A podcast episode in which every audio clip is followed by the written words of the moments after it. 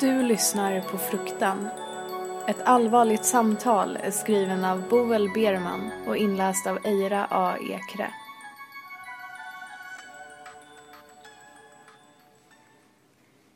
Hon genomsyras av det. Kraften. Rysningar längs ryggraden av kyla. En smärta i bröstet.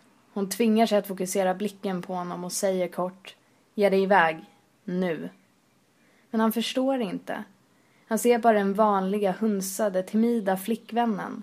Inte den riktiga, den nyväckta. Ja, men vi behöver prata. Jag tänker inte gå någonstans. Vibrationerna ökar i den slitna parketten. Men han känner det inte. Sitter bara nöjd och självgod i soffan med fötterna på soffbordet. Han tror att han ska ta sig ur den här diskussionen som alla andra tidigare. Han fattar inte att det här är annorlunda. Ser inte hennes ilska. Är för upptagen med att kolla Facebookflödet på mobilen för att se de spända käkbenen, raseriet som brinner i hennes ögon. Hon inser att han inte har mycket tid nu innan det brister.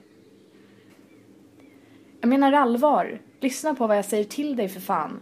Gå ut ur lägenheten. Han ser upp på henne med förvåning. Är inte van vid att hon ryter till. Redan innan han öppnar munnen vet hon vad som ska komma. Det där förorättade tonfallet, de där fantastiskt dåliga ursäkterna. Att hon överreagerar. Att hon kanske har PMS. Att det inte var något allvarligt. Sen kommer han börja vända på det. Kommer skylla på henne. Hon fick honom att... Hur har ni inte sett allt det här tidigare? Så öppnar han munnen. Ut kommer den förväntade svadan. Det finns bara en sak att göra. Hon vänder ryggen mot honom. Försöker blockera ut hans röst. Men den tränger sig igenom besserwisserig och smågnällig. Har han alltid haft den här nasala rösten? Har hon varit så förblindad av kärlek att hon aldrig sett honom för den han verkligen är? Det finns inget att prata om. Gå ut! Hon ser ut genom fönstret, över hustaken och försöker tänka sig bort. Ser sig själv stå på en blomstrande sommaräng, omgiven av en högt gräs och en klarblå himmel. Omgiven av stridande män och kvinnor. Hör rytanden inför attacker, ljudet av metall mot metall, segertjut och skrik av smärta. Tanken fyller henne med ro. Tills rösten skär igenom och splittrar bilden. Det har varit så himla deppig på sistone. Du måste ju fatta att jag behövde ha lite skoj. Nu är det för sent. Han kommer inte hinna fly, även om han skulle sätta igång och springa mot dörren. Hon känner hur det hettar till i halsbandet hon har om halsen. Halsbandet hon impulsköpte på loppis förra veckan. Det som den lilla tanten hade döpt till Brisingamen. Det värmer och stärker, som elektricitet genom hela kroppen. Luktar svagt av bränt trä från hennes fotsulor. Hon vänder sig om och i rörelsen spricker parketten, bryts upp med ett skarpt ljud, som ett pistolskott. Det får tyst på honom. Älskling, det var sista gången du någonsin gör så mot mig. Sista gången du knullar någon annan. Om du inte fattat det så är du ett svin. Ett stort jävla hårigt svin.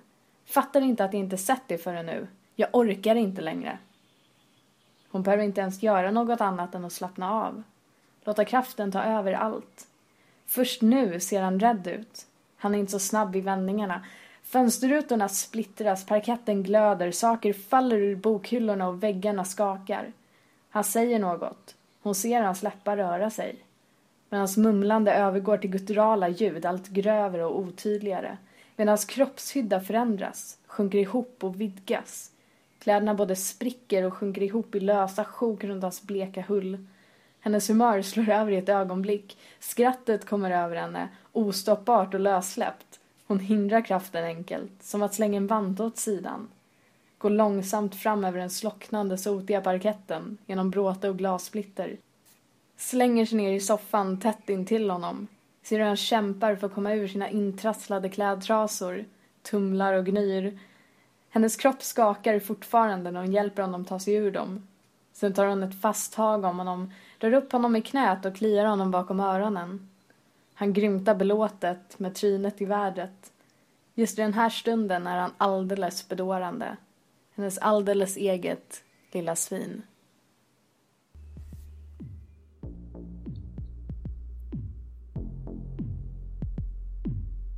Du har lyssnat på Fruktan. För fler ljudnoveller, gå in på fruktan.se